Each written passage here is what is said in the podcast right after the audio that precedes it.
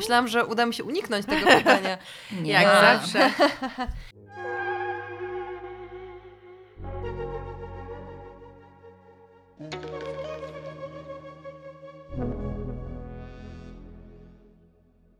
No to słuchaczki, słuchacze, e, dzień dobry. e, Witamy w naszej audycji. E, Jest z nami dzisiaj Anna Kowalczyk, czyli prezeska Muzeum Historii Kobiet. Fundacji. Jeszcze fundacji. Jeszcze fundacji, e, być może wkrótce e, muzeum takiego, że można je przyjść odwiedzić. E, To zależy od wielu czynników. I autorka książki Brakująca połowa dziejów, kropka, krótka historia kobiet na ziemiach polskich. Dzień dobry, Anno. Cześć, cześć, dzień dobry. Bardzo Ci dziękujemy za przyjęcie zaproszenia do naszego podcastu. Nie mogłybyśmy sobie wyobrazić po prostu lepszego, lepszej okazji do tej rozmowy niż fakt, że za chwileczkę, tuż po właściwie momencie, w którym usłyszycie jako słuchaczki i słuchacze tenże podcast. Jeżeli, jeżeli słuchacie go w sobotę, bo jak pójdzie, to już przy, przy, stracone. No właśnie, więc słuchajcie zawsze nas wtedy, kiedy ten odcinek wychodzi, no bo właśnie można stracić różne okazje.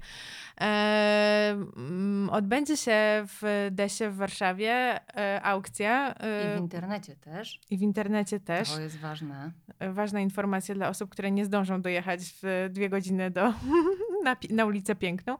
Można e, będzie licytować prace artystek, e, które postanowiły przekazać swoje dzieła na rzecz, e, no właśnie, e, projektu, idei, fundacji, dalekosiężnego celu Muzeum Historii Kobiet. Będzie to moment takiej celebracji długiej, długiej pracy, myślisz? Za E, parę godzin w sobotę? au- Aukcja za parę godzin w sobotę. Tak, myślę, że myślę, że to jest ten rzadki moment, kiedy się na chwilę można zatrzymać i ucieszyć z tego, e, co się udało, a właściwie wróć. Co zrobiłyśmy, bo nic się nam nie udało. Naprawdę ciężko Wszystko, zasuwamy. wszystko kobiety muszą sobie wywalczyć. E, Tak, tak było odkąd sięgamy pamięcią i w naszym przypadku chyba nie jest inaczej, ale też e, to pewnie o tym pogadamy trochę, trochę później. e, To nie jest droga przez mękę. Naprawdę reakcje, z jakimi się spotykamy, kiedy mówimy, że budujemy Muzeum Historii Kobiet w Polsce. Kropka. nie, nie, że zamierzamy, nie marzymy, tylko po prostu budujemy Muzeum Historii Kobiet Aha. w Polsce. Em, no to te reakcje są, e, są wspaniałe. I wyobraźcie sobie, że naprawdę nie każdy nas pyta, czy wybudujemy też Muzeum Historii Mężczyzn. Tak? A wy, a a, a wy budujecie Przysięgam. No właśnie to, to był jeden z naszych punktów zaczepienia. No, chciałeś mnie o to zapytać. o historię mężczyzn, no bo mało No jest. bo- No to to. e, oczywiście mamy na to też swoją dyżurną odpowiedź, że każde inne muzeum jest Muzeum Historii Mężczyzn. O. E, ale, ale jakie było pytanie? Nie, chyba nie było, Nie było pytania. Ja po A, prostu, że się a, chciałam zapytać, czy to tak. będzie dla Ciebie moment celebracji, takiego momentu, że Tak, tak. Super. Oczywiście chcemy zrobić sześć jak tako, ale e, nie, nie, nie, nie wiem, czy się uda. Jak zrobimy mniej zer, to też się ucieszymy. E, I rzeczywiście dla nas po trzech latach e, pracy społecznej, pracy obok naszych normalnych prac i obok naszych rodzin i w ogóle jeszcze dodatkowych projektów, które robimy w fundacji, wchodzimy na mm, nowy etap i mamy nawet e, na oku e, zaproponowany nam e, wspaniały budynek. No, chyba no- mogę powiedzieć, że w centrum Poznania. No, tyle to mogę powiedzieć. piękna perspektywa. Tak. Taka bardzo konkretna, łatwo sobie wyobrazić. Ja już widzę oczyma duszy to muzeum. Ja wi- widzę siebie starszą o 3 lata. O nie, to, to nie w tym kierunku, Marta, myślimy dzisiaj.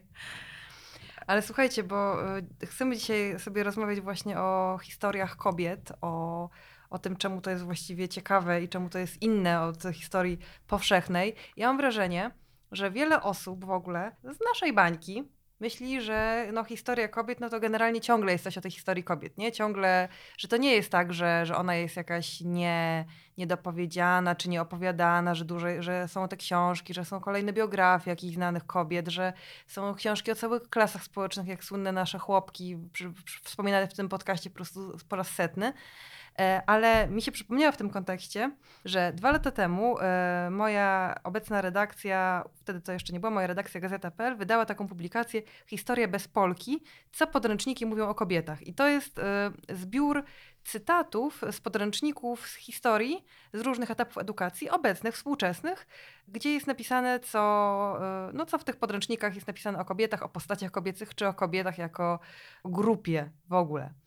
Byłam pod wrażeniem, powiem wam szczerze. E, no, Bądźmy i my pod wrażeniem, Marto. tak. Gdybyś była e, tak dobra i zechciała, ale to jest ładne różowe. To są piękne, słuchaj, ilustracje e, grafiki Marty Kondrusik, a przygotowali to e, Rafał Madajczak, Joanna Mierzwa i Magdalena Rudnik. Pozdrawiam was serdecznie.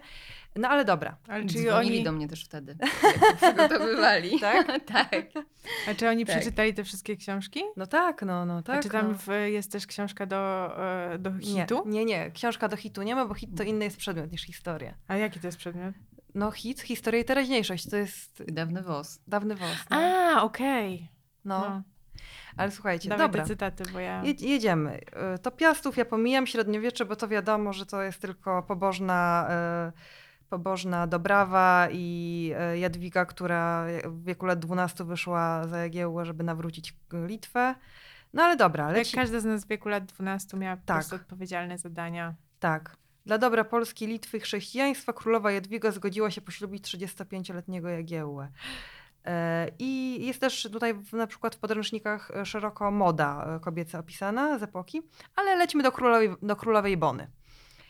Cytaty z podręczników historii o królowej Bonie. Jej dekolty gorszyły Polaków.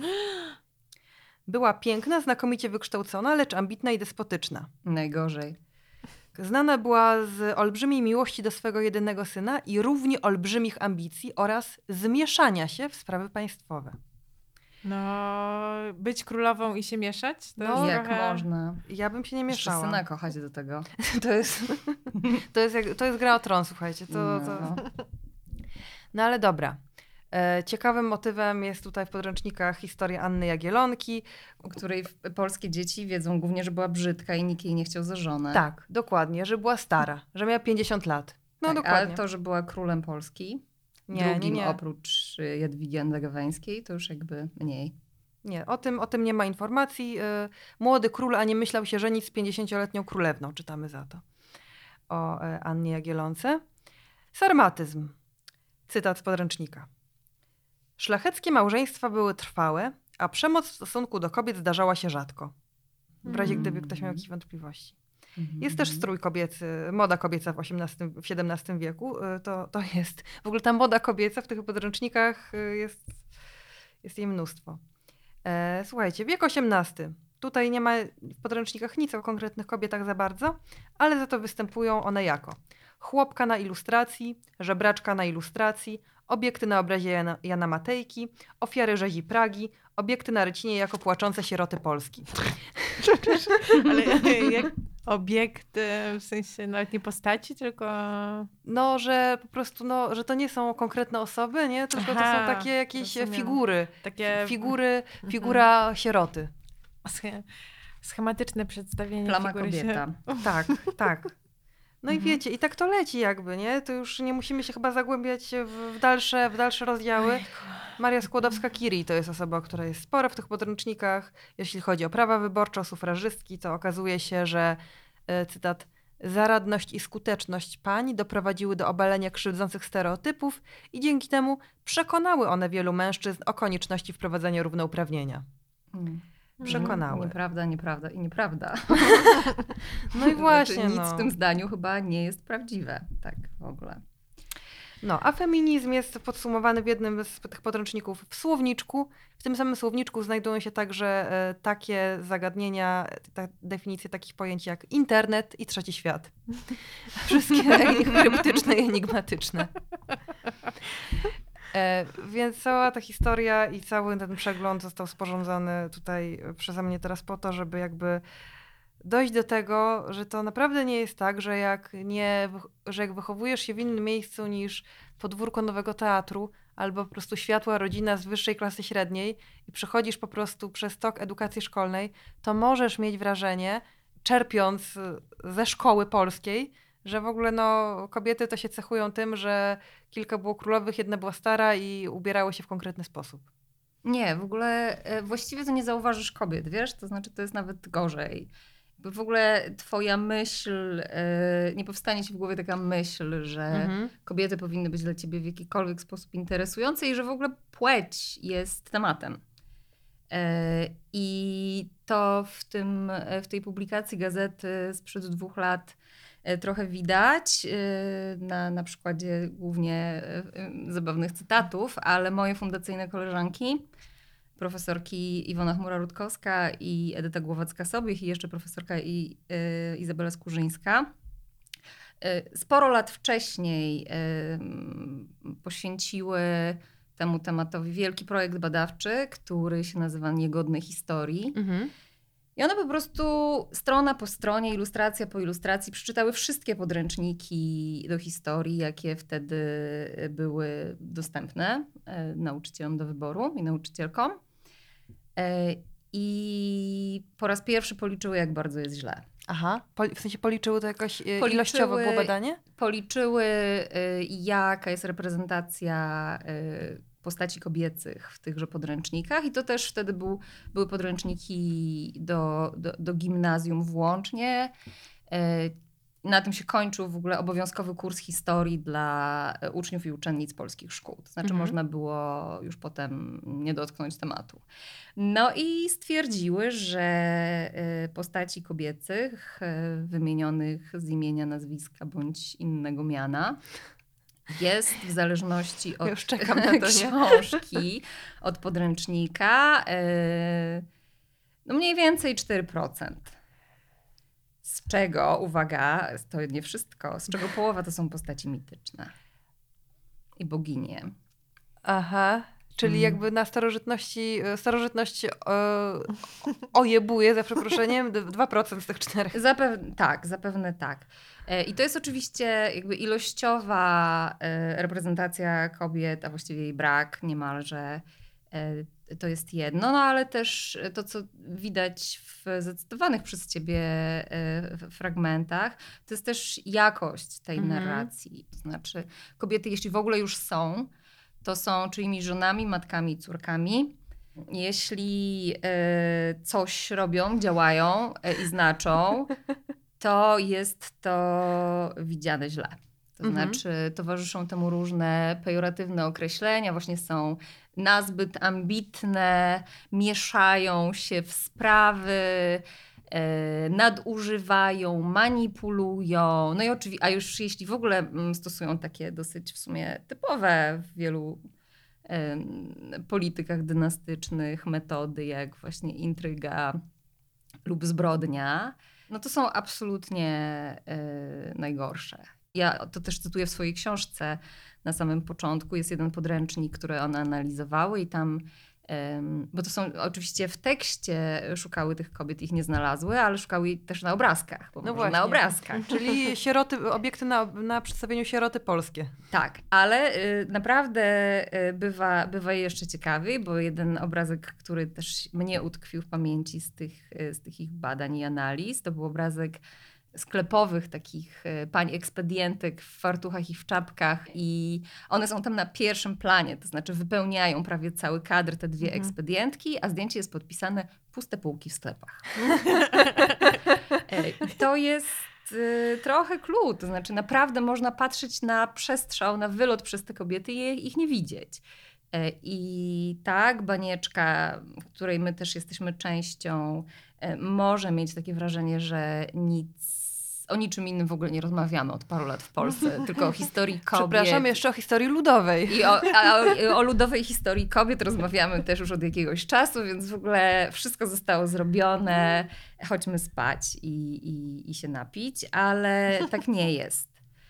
Ale na szczęście nauczyciele i nauczycielki w Polsce mają dużo, wbrew pozorom, swobody w tym, Mhm. z jakich materiałów korzystają. Więc my y, na różne sposoby i z różnych, z różnych stron podsuwamy materiały, pomoce, też tworzymy y, i już zaczynamy się chwalić powoli naszym kolejnym narzędziem, czyli bazą historii kobiet, która jest taką cyfrową encyklopedią, właściwie takim wirtualnym muzeum historii kobiet. Mhm. E, Od tego się nawet po części zaczęła nasza historia, że myśmy e, się spotkały w osiem po to, żeby e, napisać wielkie kompendium, encyklopedię e, kobiet, historii kobiet w Polsce. Ale jakoś tak uznałyśmy, że to taki w ogóle mało ambitny projekt. I zaczęłyście się mieszać w muzealnictwo. Zaczęłyśmy się prawda? mieszać w muzealnictwo, na którym żadna z nas się nie zna. No, E, ale z drugiej strony bardzo wierzymy, że przyda się nam wszystkim instytucja. Ale e, myślimy o tym przedsięwzięciu, mm, że ono musi być inne na każdym poziomie Mhm. od muzeów, które znamy. To znaczy, że nas trochę nie interesuje mm, napisanie, wiecie, appendiksu do a teraz historii. tak samo, tylko o kobietę. A teraz tak, tak, a teraz, a teraz dodajmy trochę kobiet Teraz, teraz do tej w gablotce będą listy orzeszkowej. Tak, a teraz Przedtem były prusy. A teraz taka ciekawostka. Słuchajcie, były wtedy kobiety też.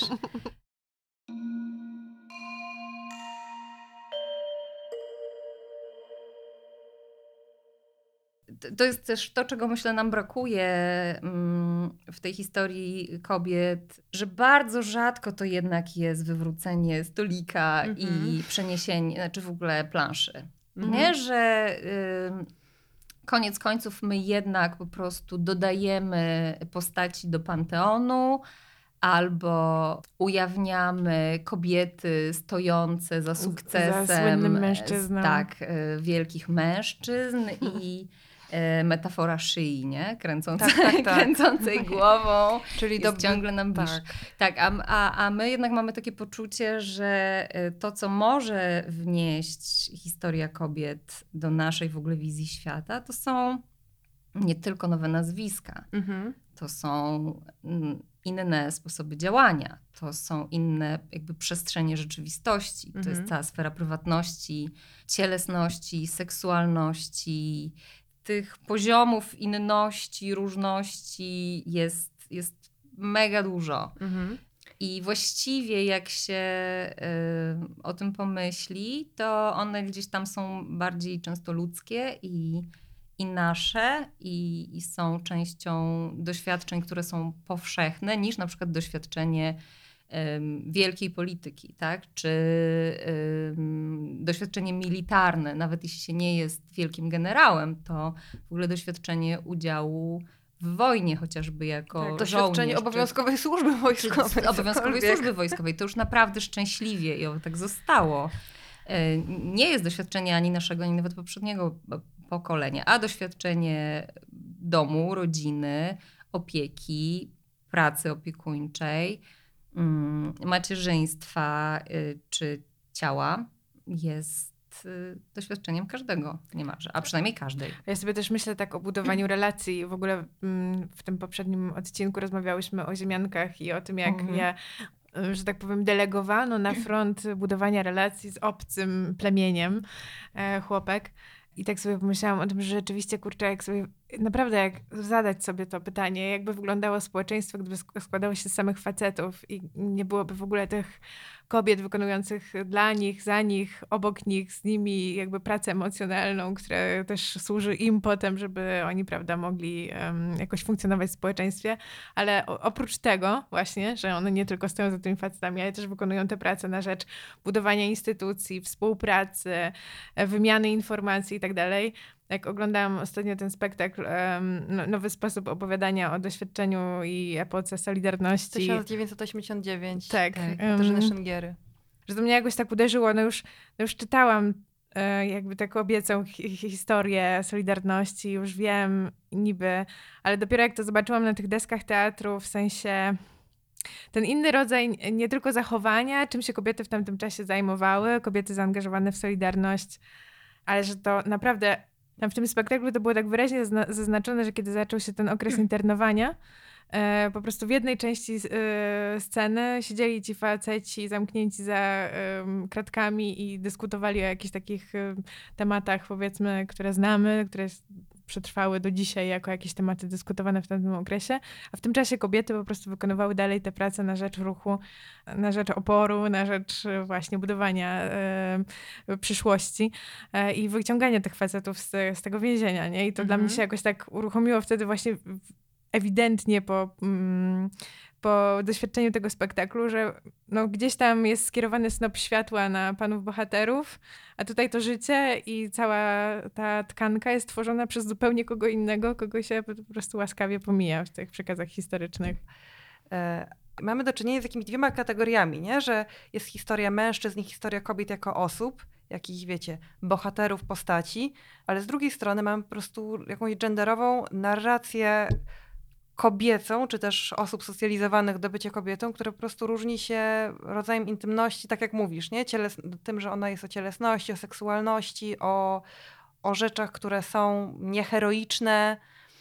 Mm, I mnie to chyba uderzyło pierwszy raz, jak czytałam Wojna nie ma w sobie nic z kobiety Swiet- Swietłany Aleksijewicz i to mnie tak wtedy totalnie jakby uderzyło, jak Aleksijewicz, zanim jeszcze mm, rozmawia ze swoimi bohaterkami, które walczyły w Wielkiej Wojnie Ojczyźnianej, czyli w II wojnie światowej po stronie ZSRR, e, mówi, jak przychodziła do tych domów i rozmawiała z nimi i z ich mężami. I ci mężowie też walczyli w tej wojnie.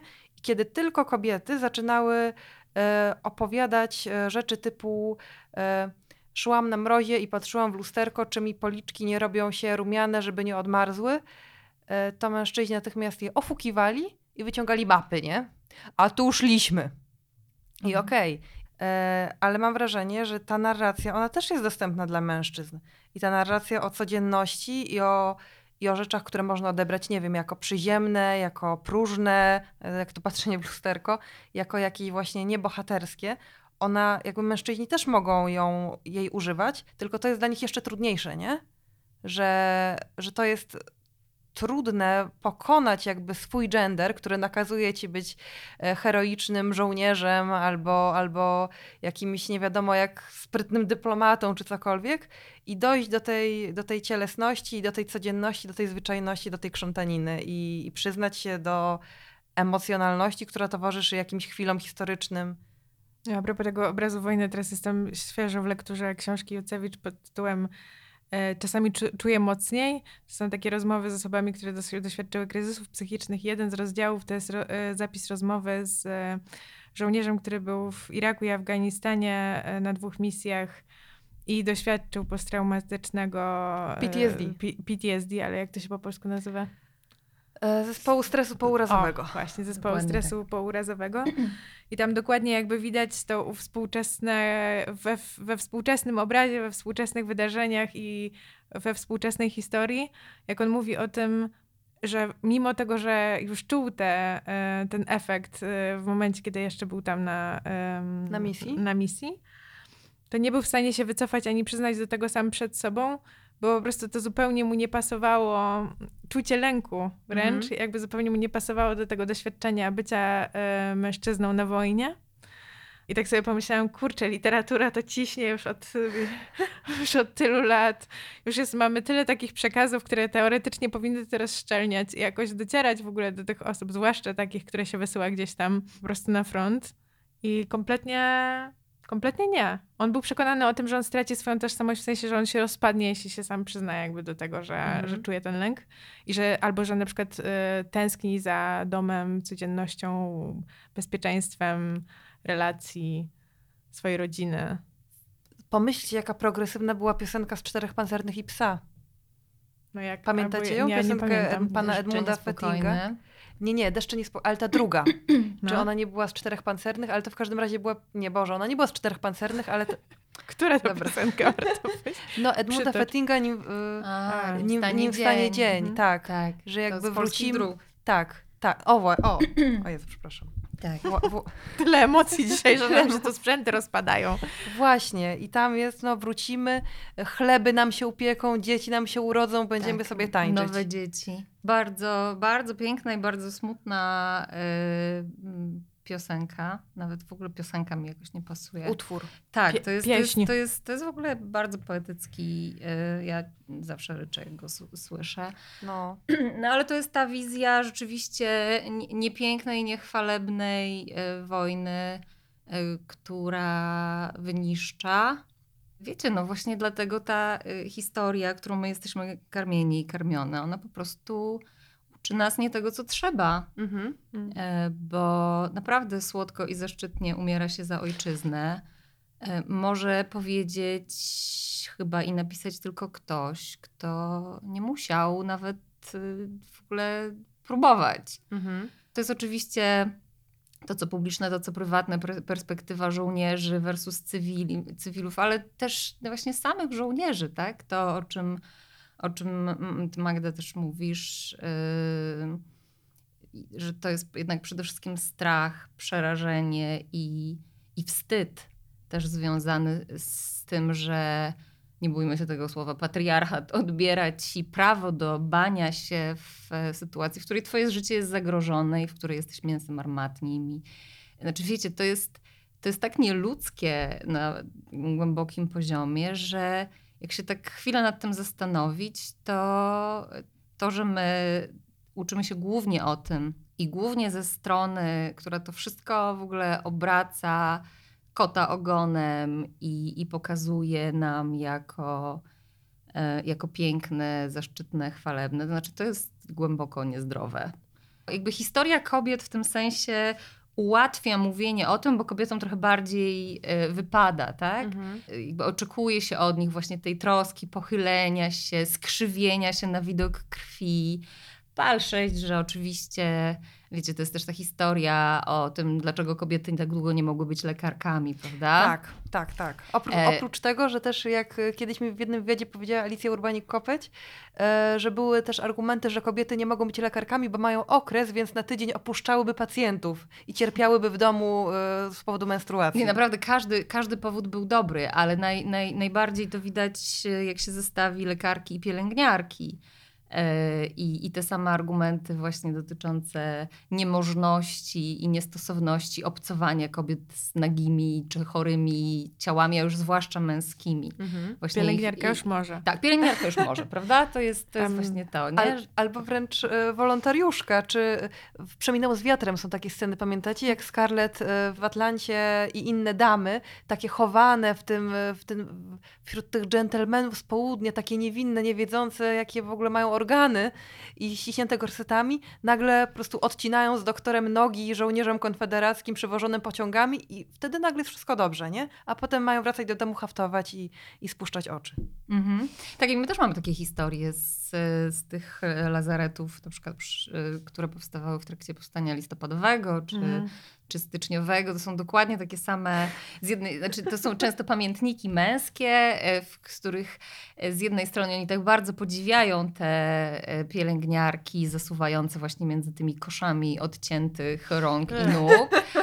I tak się nie mogą nadziwić, jak to jest możliwe, że to kobiety i tutaj nie jeden chłop nas chwał, by padł, a ona tutaj chodzi i jeszcze ociera te czoła. I, więc z jednej strony jest... e, jest to trochę naiwne, y, ten, ten, ten sposób widzenia kobiet, ale z drugiej strony naprawdę tak też głęboko e, ich to szokuje. Nie? Że tak Mm. długo słyszeli, że kobiety są niezdolne do tego, żeby w ogóle dźwigać jakieś ciężary psychiczne czy emocjonalne, że naprawdę w to uwierzyli i musieli Mhm. dopiero zobaczyć kobietę przy, przy łóżku szpitalnym. To jest zresztą e, w ogóle też bardzo ciekawy kawałek historii, o którym my tak mało wiemy, jak kobiety ucywilizowały w ogóle opiekę nad chorymi. Aha. E, I, i z jednej strony coś? to jest historia oczywiście na, na, narodzin zawodu pielęgniarki, e, jakby zawodu, zawodu też profesji, bo pielęgnowaniem chorych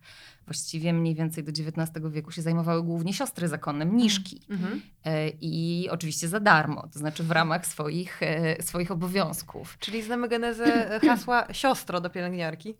Tak, chyba tak. Chyba, chyba to jest rzeczywiście stąd. I, I potem ta profesjonalizacja opieki nad chorymi no, związa- wiązała się również z tym, że jakby jakość tej opieki gwałtownie wzrastała i po prostu te przytułki dla chorych przestawały być umieralniami, a zaczęły być miejscami zdrowienia. Mhm. E, I to jest w dużej mierze o kobietach i, Mhm. i też o tym, co się stanie, kiedy kobietom się pozwoli pracować, ale też, no właśnie, y, gdzie się im pozwala pracować. I Mm. tam, gdzie rzeczywiście jest ciężko i trudno, i jest to zgodne z wyobrażeniem o kobiecej naturze, e, to, to możemy ścierpieć pielęgniarki i jakoś zapominamy, e, że w sumie to one powinny mdleć na widok krwi, a jednak nie mdleją. Ale kiedy mówimy już o zawodzie em, prestiżowym, poważanym i dobrze wynagradzanym, czyli zawodzie lekarza, to już kobiety nie.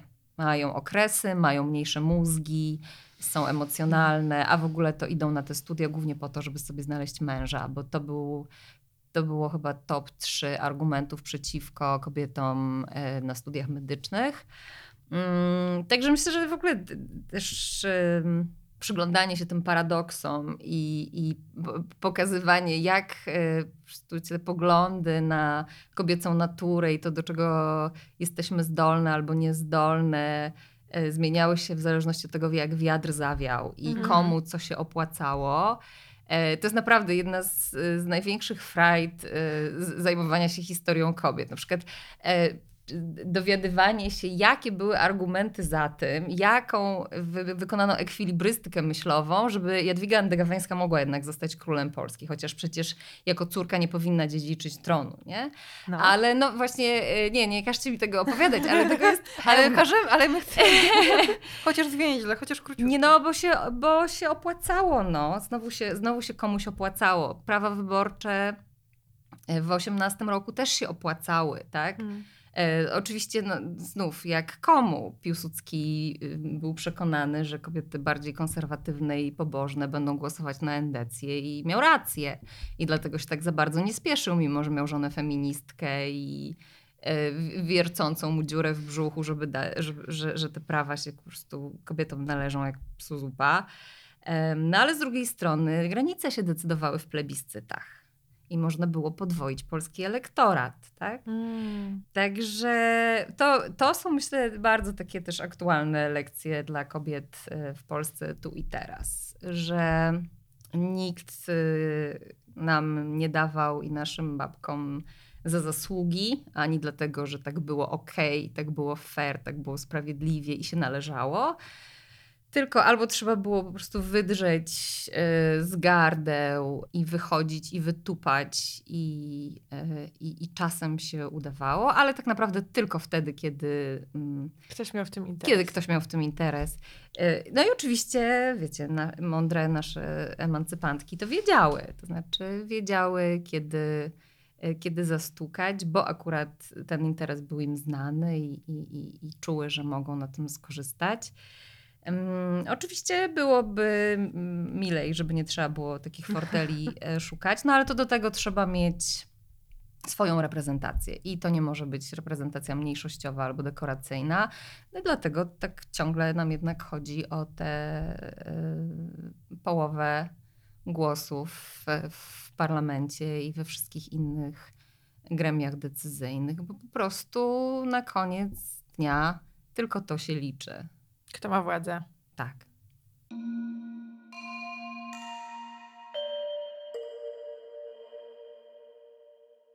Generalna zasada jest właśnie taka, że jak chcemy, żeby kobiet było więcej gdziekolwiek, to trzeba e, pokazywać, że to jest możliwe i jakby je tam popychać, zachęcać, wstawiać. No oczywiście y, nikogo się nie da do niczego zmusić, ale zwykle wystarczy powiedzieć, że w ogóle można, tak? Hej, nadajesz się! Tak, to jest dla ciebie. To jest naprawdę ciągle wielkie odkrycie, niestety, dla, dla, wie, dla wielu kobiet. Y, Pomyśleć o sobie, że ja się nadaję. Mhm. I najczęściej jednak trzeba to usłyszeć od kogoś z zewnątrz. Taka myśl samoistnie się nie rodzi jakoś w naszych głowach.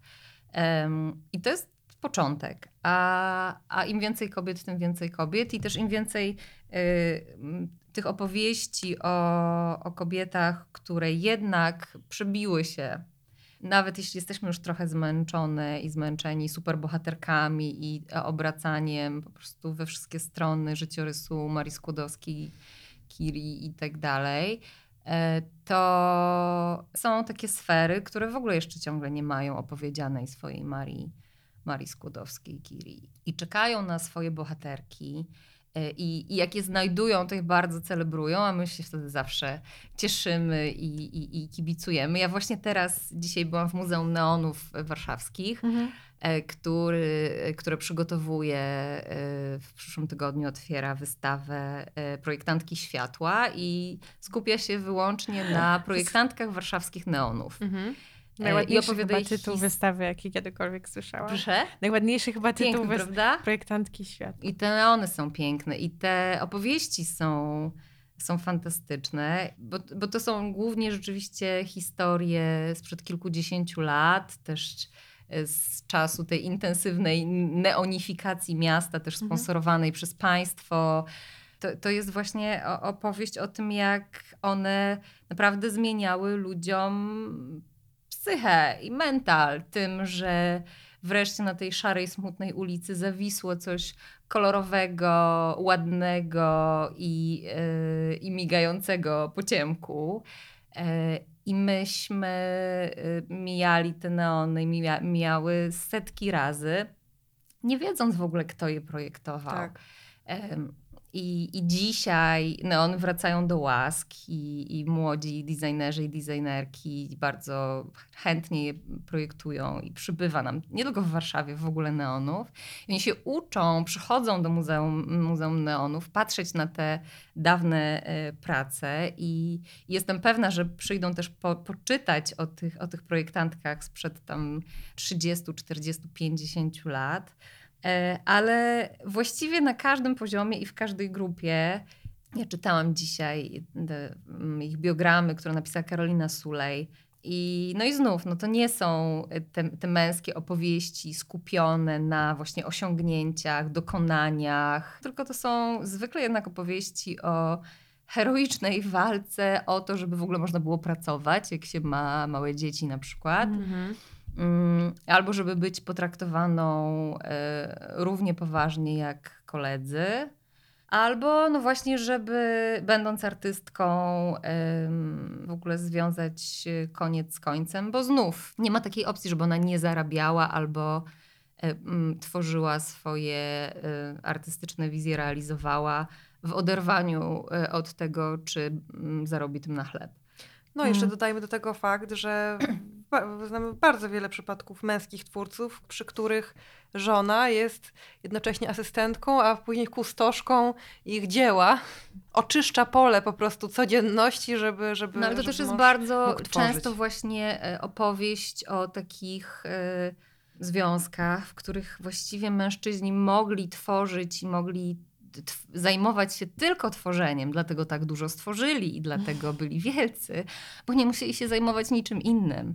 To jest e, na przykład e, do dzisiaj jakby mam ciarki, jak myślę o historii e, Katarzyny Kobro i Strzemińskiego, tak? O tym, jak dwójka no nie wiem, czy da się to zważyć i zmierzyć równie utalentowanych artystów, bardzo indywidualnych, bardzo innowacyjnych, fantastycznych, tak bardzo miała nierówno. I w związku z tym e, my tak niewiele ciągle wiemy i, i mamy prac Katarzyny Kobro. Ona swoje prace w trakcie wojny y, po prostu rąbała na kawałki, paliła nimi w piecu, żeby ogrzać swoją córkę małą i męża, też rzeczywiście niepełnosprawnego, ale jednakowoż traktującego ją paskudnie i, i podle. Tak, i o jego spuściznę zadbano, e, o jej spuściznę nie. Jak już padło nazwisko Katarzyny Kobro, to przypomniało mi się z, z moich zamierzchłych e, czasów e, zawodowych. Zdarzyło mi się kiedyś redagować em, raport naukowy na temat sytuacji kobiet na e, uczelniach artystycznych, który zadał to sobie e, takie pytanie, jak to jest możliwe, że w dzisiejszych czasach jest tak ostra ta piramida, że większość, przytłaczająca większość studentek e, uczelni artystycznych w Polsce to są kobiety. Natomiast im wyżej w tej hierarchii akademii, tym kobiet coraz mniej i mniej i mniej. I na stanowiskach tam profesorskich to już rzadko kto, która się ostanie, a e, już o władzach uczelni w ogóle nie ma co wspominać, nie? Jak pan Korwin powiedział, owce dowodzone przez lwa. Tak, w, Odnosząc się dokładnie do tego. w, tych, w tych uczelniach artystycznych wydaje mi się to szczególnie uderzające, że jakby mają one wizerunek bardzo liberalnych i postępowych i takich, które zawsze łapią te nowe trendy i nowe trendy społeczne i są tak wyczulone na różne kwestie społeczne i w tym raporcie, gdyby ktoś, był, ktoś była chętna, e, to polecam sobie zajrzeć, jak bardzo w praktyce rzeczywiście te ideały głoszone są realizowane na uczelniach artystycznych, bo to jest e, dosyć wstrząsająca lektura, więc jakby ktoś miał za mało kawy któregoś dnia, to mm, polecam zajrzeć do tego raportu w naszych referencjach na Instagramie.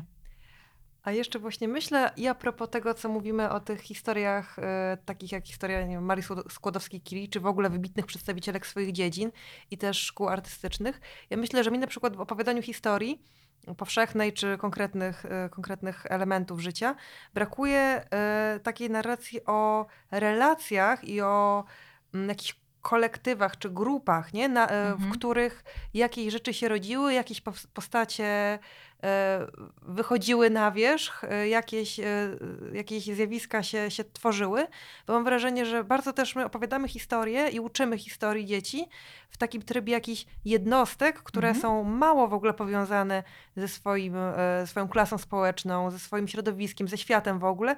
I te kobiety to już w ogóle się jawią jak, jako jakieś takie indywidualne, samotne przebiśniegi, które przebiły jakąś skorupę i tam nam wyrosły i odkryły polon, nie? Ale wszyscy są samotnymi przebiśniegami, wiesz, to znaczy to jest hi- historia, e, w której e, pojedynczy wielcy ludzie przestawiają zwrotnice dziejów, e, przestawiają te wiesz, pionki na mapie, przesuwają ruchem ręki całe armie i dzieją się rzeczy, nie? Właśnie dlatego, że oni tak postanowili. Tak. Tak, to jest, to jest jeden właśnie z tych kilku wymiarów y, ym, historii mainstreamowej, którą my jesteśmy wszyscy karmieni. E, No, który znów absolutnie pomija, nie chcę powiedzieć tło, no, ale w ogóle wszystkie okoliczności, cały kontekst, ale też y, jakby zbiorowości jako, jako bohaterów i te wszystkie właśnie przepływy najrozmaitszych energii i dziania się, y, których nie uczynił żaden jeden człowiek, tylko siła grup ludzkich y, opartych znów nie zawsze, czy, czy wytworzonych nie zawsze w ogniu rywalizacji i walki Mhm. o skończone zasoby, ale również y, współpracujących ze sobą. No i znów no, nam się wydaje, że to jest lekcja mm, trochę może ciekawsza i, i bardziej użyteczna dzisiaj e, niż ciągłe opowiadanie, jak tu prawo pięści i dżungli, nim rządzi się świat i albo zjadasz, albo jesteś zjadany i koniec. Jakby nie ma trzeciej opcji. Ale, ale masz rację i, to, i te, ta indywidualistyczna perspektywa jest oczywiście też perspektywą bardzo elitystyczną. To znaczy, Tak, to są tak. jednostki z wyżyn społecznych prawie zawsze Mhm. te, które, które, które poznajemy. Dlatego takim em, odkryciem i hypem jest historia ludowa, tak? Bo nagle odkryliśmy, że mieliśmy w Polsce nie tylko Radziwiłłów i Sapiechów. Więc y, te akcenty są postawione na głowie. I oczywiście historia kobiet nie jest na to uniwersalną receptą, tak? Bo kobiety z elit też przez to, że tworzyły na przykład źródła dużo częściej i chętniej niż y, kobiety, które na przykład nie pisały albo nie miały komu zlecić pisania na swój temat. No oczywiście, możemy odkryć poezję barokową szlachcianki, nie odkryjemy jej raczej e, w chacie pod kaliszem.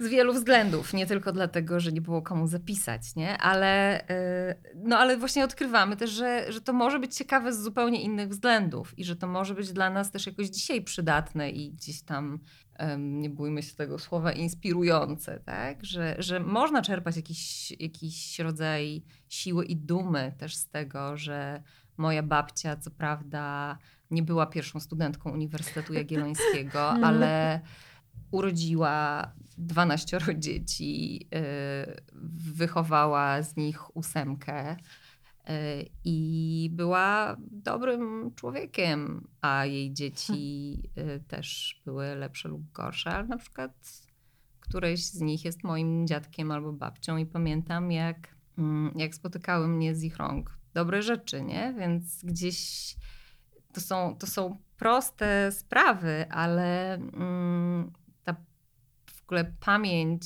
y, prostych spraw bywa dla mnie też na przykład bardzo jakaś u, u, u, us- uskrzydlająca i, i mnie to nie przestaje cieszyć, zadziwiać i, i właśnie no, napełniać jakiegoś rodzaju dumą. Zawsze jakoś tak y, traktuję to jako moment ym, otwierania oczu, jak się zapytam o takie rzeczy codzienne i do których jestem bardzo przyzwyczajona, po co one tak właściwie są. I tak jest trochę z historią, tą nauczaną w szkołach, tą, którą znamy i tą, którą, z której się śmiejemy też już, y, bo możemy dzisiaj w tym odcinku. Mm, Po co ją ktoś napisał i dlaczego ją nam przekazuje w tych podręcznikach i czemu to służy. No i moja prosta odpowiedź jest taka, że to bardzo często służy właśnie utrwalaniu jakiegoś, e, jakiegoś systemu władzy po prostu i porządku społecznego. I teraz, żeby to odwrócić, do czego ja bym potrzebowała tej historii kobiet i tej zupełnie innej historii, historii codzienności, historii ekonomicznej, historii grup, e, to do tego, żeby móc sobie lepiej wyobrazić przyszłość w gruncie rzeczy, bo bardzo często mam takie poczucie, że no to, co nam podcina skrzydła, to takie, takie myślenie, że oto jestem pierwszą osobą, która usiłuje cokolwiek e, wyobrazić sobie na nowo, jakoś inaczej zbudować tę rzeczywistość. E, I to chyba jest, to wrażenie takiej izolacji jest po prostu czymś, co może strasznie, strasznie deprymować. Mhm. Mm, Jest jedna taka y, praktyka, którą czasami stosujemy w warsztatach, która się nazywa praktyką centrowania i jest zaczerpnięta w ogóle z jakichś takich metod e, rdzen, rdzennych amerykańskich e, kultur.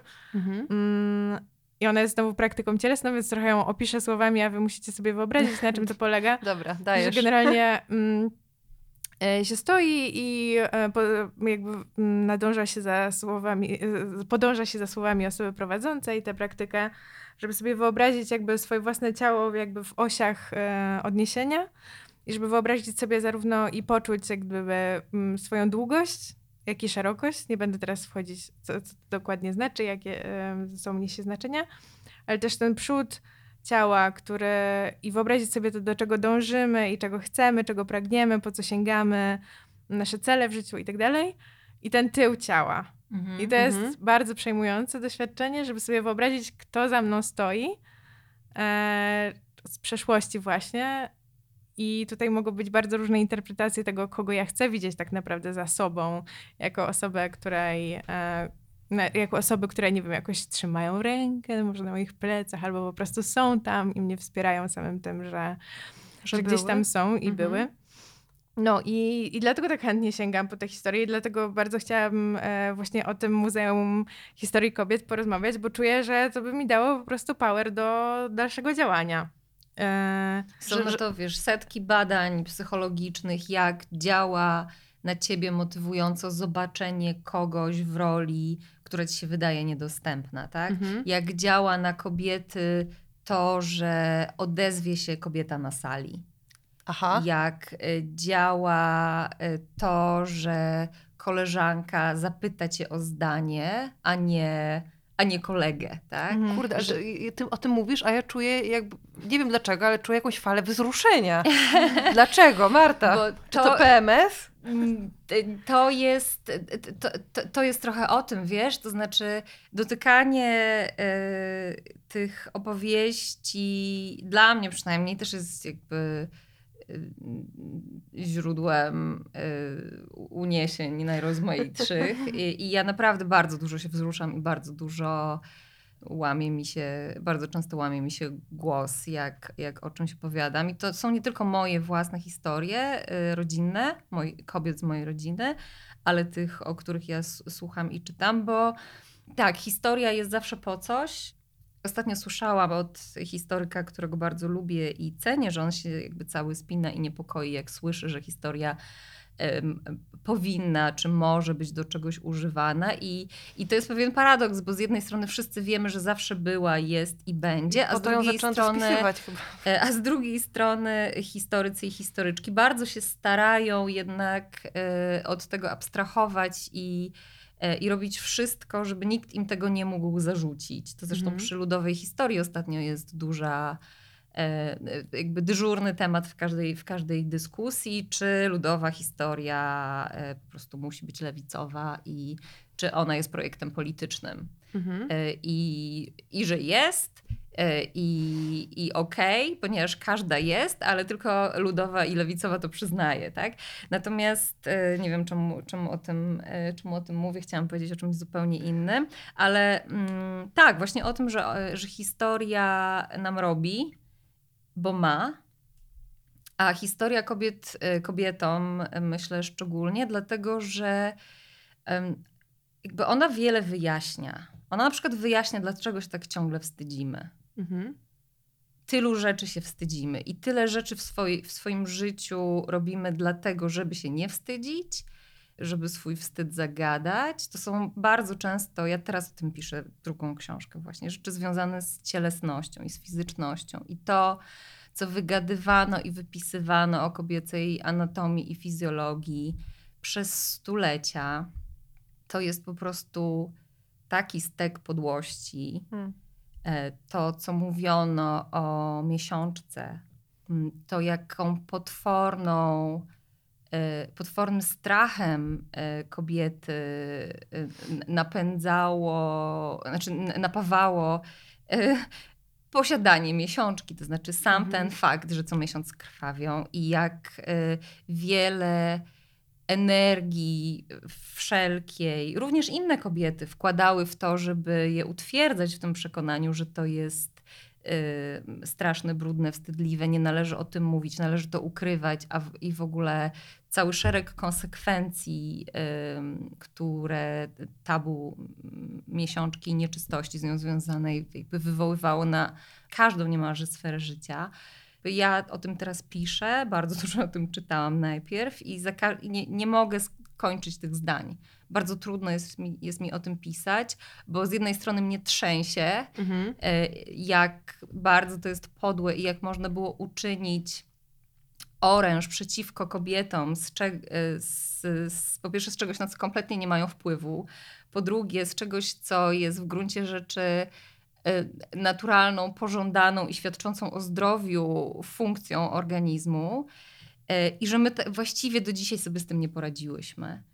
I mimo naszych różowych skrzyneczek, mimo, e, mimo że już e, krew na podpaskach w reklamach bywa czerwona, to ciągle, i na to też moje koleżanki mają swoje badania wśród dziewczynek, em, największy strach w Polsce w, 20, w 2023 roku e, dziewczynek w wieku szkolnym jest taki, że ktoś zobaczy, że mają okres albo że im wypadną z plecaka podpaski.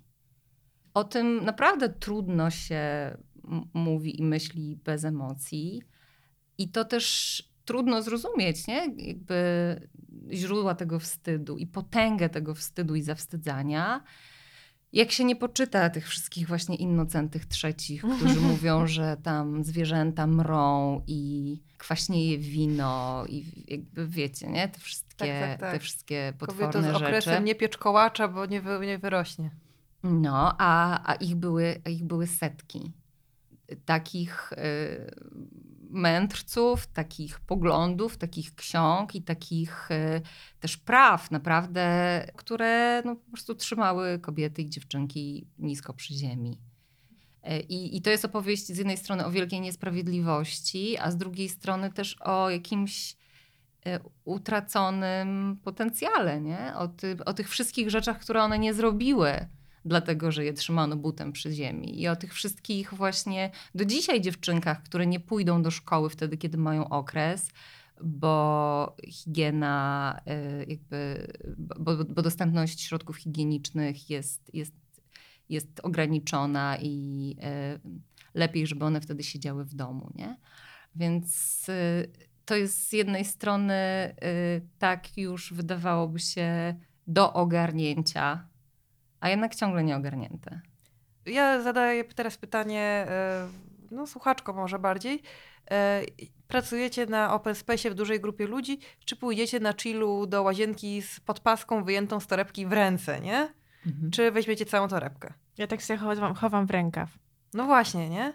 albo do kieszeni. Ja ostatnio miałam rozkminę, A że tak, ja bym trochę się krę- krępowała z podpaską iść, bo bym się krępowała, że nie ekologiczne to jest, niż że kubeczka nie To już jest wyższy poziom, Marta.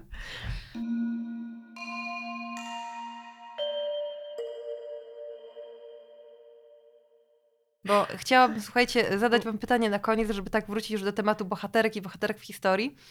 E, O nie, jak- będą pytania z, jak na teście maturalnym? Nie, no spokojnie, powiedziałam, że zabawa przedtem, a wy już tutaj wycięte było, że powiedziałam, że zabawa i tutaj już jest stres, jakby to nie wiadomo co No bo było. źle wypadniemy, nie? No to jest właśnie. właśnie No najstraszniejsze, masakra że mogłybyśmy źle Mogłabym nie wypaść. znać historii Mieszka pierwszego, ale już o kobiet Nie, się nie, orientować. ja I chciałam- będzie takie mądre, takie mądre, jednak głupie baby, no. Jezus, dziewczyny. Mi się przypomniało, słuchajcie, po prostu w toku tej rozmowy, że była taka kiedyś opcja, e, że jeden członek Rady Polityki Pieniężnej zaproponował, żeby się znalazła na banknocie kobieta, Maria Konopnicka i y, tym to uzasadnił, że ona wychowała ośmioro dzieci i dlatego warto by jej przyznać banknot 800 złotowy.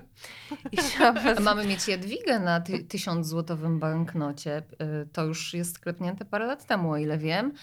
Może jak tymi- inflacja jeszcze po, po, po, pogalopuje, to będziemy używać tysiąc złotowych No właśnie, jak kto tymi banknotami będzie płacić? Deweloper, będziemy używać- fliperzy. Flip, flip. banknotów, ale tak, tak, wydaje mi się, że ta decyzja już została podjęta i będzie to nasza święta e, królowa, a pal 6, że to święta było jej na- najmniejszą z jej zalet, bo na przykład była mądra i mamy dzięki niej uniwersytet w Krakowie. Jagielloński oczywiście. Bo, tak, po, Po mężu. Po mężu, po mężu, no bo wiadomo, ona, ona tylko to wymyśliła i dała na to pieniądze. Dziewczyny, a to kogo byście, jak- jakbyś, jakby na przykład w ogóle banknoty, na przykład co drugi banknot, nie? Miałby mieć A. postać kobiecą. To kogo byście chciały na nich? No bo wiadomo, że tam Maria Skłodowska, Kiri to musi być, nie? Ja pomyślałam sobie, zwierzę się teraz z mojego procesu w głowie. E, pierwsza myśl, że chciałabym Wandę Rutkiewicz, Aha. Mhm. a potem sobie pomyślałam, nie, bo ona miała takie wady różne. Że ona jest taka nie była zbyt kontrowersyjna. miła No, dla koleżanek, prawda? To ją dyskwalifikuje. Na pewno jest jakaś lepsza. Jakaś idealna, nie? Tak, ale tak, tak, tak to, tak to działa. Em, Nie wiem, ja mm, f- f- bym pewnie chciała, żeby to były takie bohaterki, których właśnie w ogóle nikt nie zna. Nawet my Mhm. ich tu nie znamy, ale ktoś przyjdzie i, i nam je pokaże właśnie na banknocie, tylko że one niestety nie mają szans na to, żeby się tam... em, A żadna nie ma, nie ma szans. To jakby spokojnie, nie?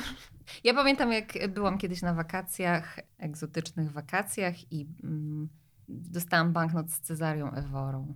O, I no. sobie pomyślałam, e, że to jest super. Z Marlą Rodowicz mogłybyśmy mieć banknot na przykład. Albo, no, tak, albo z Korą, albo nie wiem, z jakimiś takimi diwami, no. Z Mirą Kubasińską ja bym chciała banknot. Mira, Mira Kubasińska jest z pięknie. mojego miasta.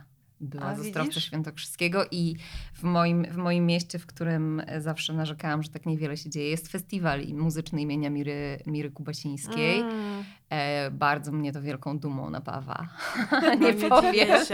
Chociaż oczywiście stwierdziłam ten fakt i dowiedziałam się o, o, o, o ostrowieckich korzeniach Miry już e, jak się wyprowadziłam z Ostrowca, Mhm. wiadomo, nie? Tak to, tak to działa. Dlatego właśnie też super ważne i e, fajne są te lokalne bohaterki. Mhm. E, Bo one n- nam jeszcze bardziej robią. To znaczy, one nas jeszcze bardziej obchodzą, właśnie dlatego, że, że są bliskie i chodziły po tych samych chodnikach i chodziły czasem do tej samej szkoły. Mhm. E, Dlatego to, to też jest. Te lokalne bohaterki mają, mam wrażenie, więcej przestrzeni e, w hair story, takiej jaką się dzisiaj robi w Polsce, niż w, jakby w dużej mainstreamowej historii. To Znaczy, tam wszystko musi być duże i wszyscy muszą być najważniejsi i tacy jedyni na całą Polskę. E, A, a herstoryczki, e, aktywistki, które sz- poszukują tych historii, znajdują je na miejscu i opowiadają je na miejscu i rzeczywiście dużo pary wkładają w to, żeby te nieogólnopolskie bohaterki stawały się dla ludzi równie ważne. E, I przychodzi im to, myślę, z łatwością, bo naprawdę ja od razu do Miry czuję więcej niż Mm. do, do pierwszych po, po, posłanek. Na przykład, bo drugi mój pomysł to była Jadwiga Dziubińska, o której miałyście też ostatnio Tak. e, trochę, e, która, która była niesamowita, bo ona wszystko robiła inaczej niż chcieli od niej e, a jednocześnie bardzo w zgodzie ze sobą. I to jest tak niebywałe e, dla kobiety w jej czasach, żeby naprawdę tak stać przy sobie i robić e, rzeczy e, po uważaniu własnym, a nie cudzym, że zawsze, zawsze, mi, zawsze mi imponowała. Z drugiej strony zawsze się trochę też martwię, że ona jednak była dosyć samotna z tego Mhm. powodu. Mm. I że to jest pewna cena, którą płacą i płaciły kobiety, które y, no, nie poddawały się tym wszystkim presjom, żeby zadowalać y, swoi, swoje rodziny, swoich ojców, matki również, nie? bo to też kobiety od kobiet wymagają bardzo wiele. E, Więc Jadwiga Dziubińska na banknocie by mnie bardzo, bardzo ucieszyła. No i nie wiem, aktorka jakaś, Pola Negri na przykład. Teraz piszę biogram Poli Negri do naszej bazy y, historii kobiet i e, no ona też była niesamowita. Mm, I też się o niej pamięta lokalnie, bo ona się w Lipnie w Kujawsko-Pomorskim urodziła i na, w ogóle w ubiegłym roku e, tam w całym województwie celebrowano jej rok i żaden Sejm ani Senat im nie musiał patronki e, ustanawiać, bo sami o niej pamiętali i powstała masa świetnych materiałów o Negri, e, która mm, w ogóle wyjechała z Polski, już nigdy do niej nie wróciła i oczywiście najbardziej e, ją pamiętamy z romansu z Czeplinem i z Rudolfem Valentino, ale, ale, ale jednak tam ją pamiętają i się z niej cieszą i nasza wielka, wspaniała aktorka w Hollywood, a tutaj z naszego Lipna. Czy to nie jest piękne?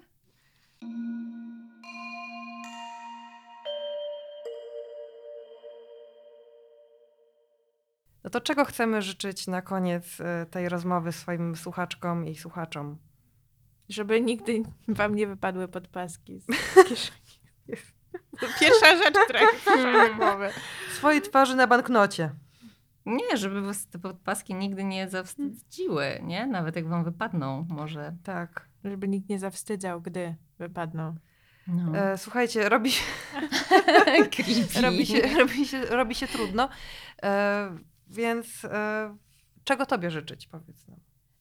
Nam, nam, naszej, naszej bandzie całej. Nie, nie, jestem, nie, nie jesteś ty, jesteś, jest kolektyw. Jest i tak, ale naprawdę jest. I y, ja nie chcę, ale nie mogę też właśnie mówić o tym przedsięwzięciu jako ja, bo to by była nieprawda. Znaczy ja jako ja napisałam książkę i może napiszę drugą wreszcie, ale y, w ogóle nie byłoby nawet cienia szansy na to, że zadzieje się to wszystko, co się zadziało, gdyby nas nie było osiem. Bo są takie rzeczy, których się nie da zrobić w pojedynkę. Ja mam poczucie, że w większości się nie da, więc życzcie nam, żebyśmy się nie wykończyły po drodze fizycznie, bo mamy jak Nie to, wiem, jak jak kobiety oczywiście y, tendencje do Tak. zajeżdżania się i poświęcania swojego czasu prywatnego, czasu na odpoczynek dla idei i dla sprawy. A ja mogę życzyć y, też, Pewnie.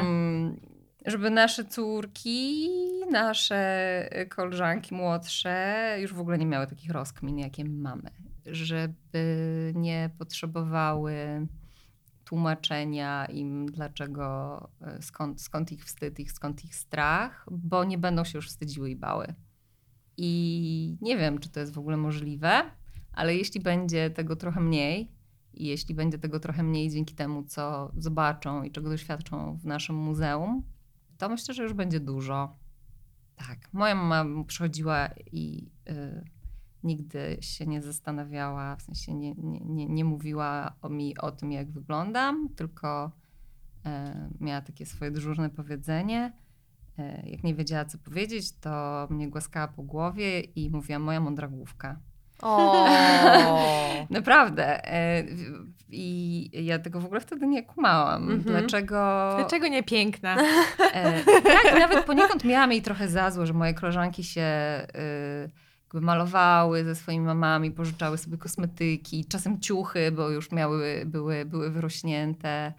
E, A moja mama jakoś zawsze y, nie specjalnie chciała ze mną gadać o ciuchach i kosmetykach, ale miała taki właśnie sposób na zagadanie chyba ciszy e, czasem, który tak teraz sobie po latach myślę, że mi zrobił dobrze na psychę i, e, i sprawił, że może trochę mniej się zajmowałam tym, jak e, wy- wyglądałam, chociaż też się zajmowałam dużo. E, No a w krótkiej perspektywie, bo to taka daleka, dalekosiężna, a w krótkiej perspektywie oczywiście życzymy wielkich sukcesów aukcyjnych i sześć zer. Em, Tak jest. e, Zasługuje ta inicjatywa i wasz kolektyw e, jak mało kto. E, Więc już dzisiaj wieczorem będzie można... O 16. No to już jest wieczór, bo już Najpóźniej. ciemno dawno. Ciemno jest. Ciemno, ciemno, ciemno. Najpóźniej można wtedy licytow- wylicytować y, jedno z ilu dzieł? 17 dzieł e, To różnych e, wspaniałych polskich artystek, które e, nie dość, że postanowiły je ofiarować, to jeszcze postanowiły je specjalnie namalować na tę okazję. Mm. Więc mamy 17 najrozmaitszych w różnych technikach portretów kobiecych. E, I są to bohaterki e, historii heroicznej. Jest również portret Wandy Rutkiewicz, zupełnie, Naprawdę? zupełnie szalony. Jezu, w teraz muszę go w takich wylicytować.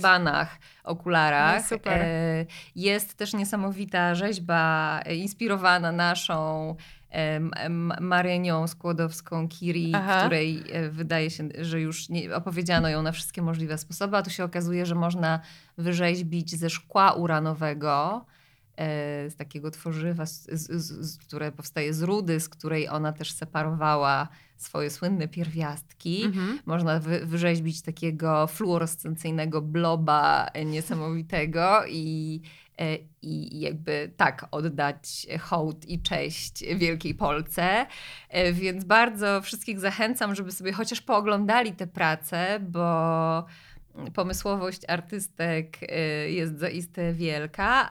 Na stronie desa.pl można się zarejestrować bardzo szybko i klikać, klikać e, licytuj, licytuj, licytuj, przebijając kolejne kwoty, a o 16 będzie wiadomo, kto dał najwięcej i kto razem z nami zbuduje Muzeum Historii Kobiet w Polsce.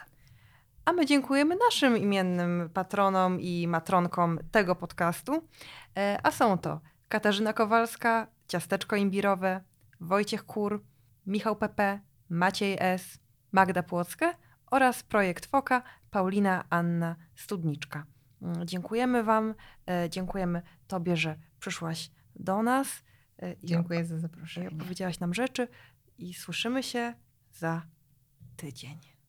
Pa, pa.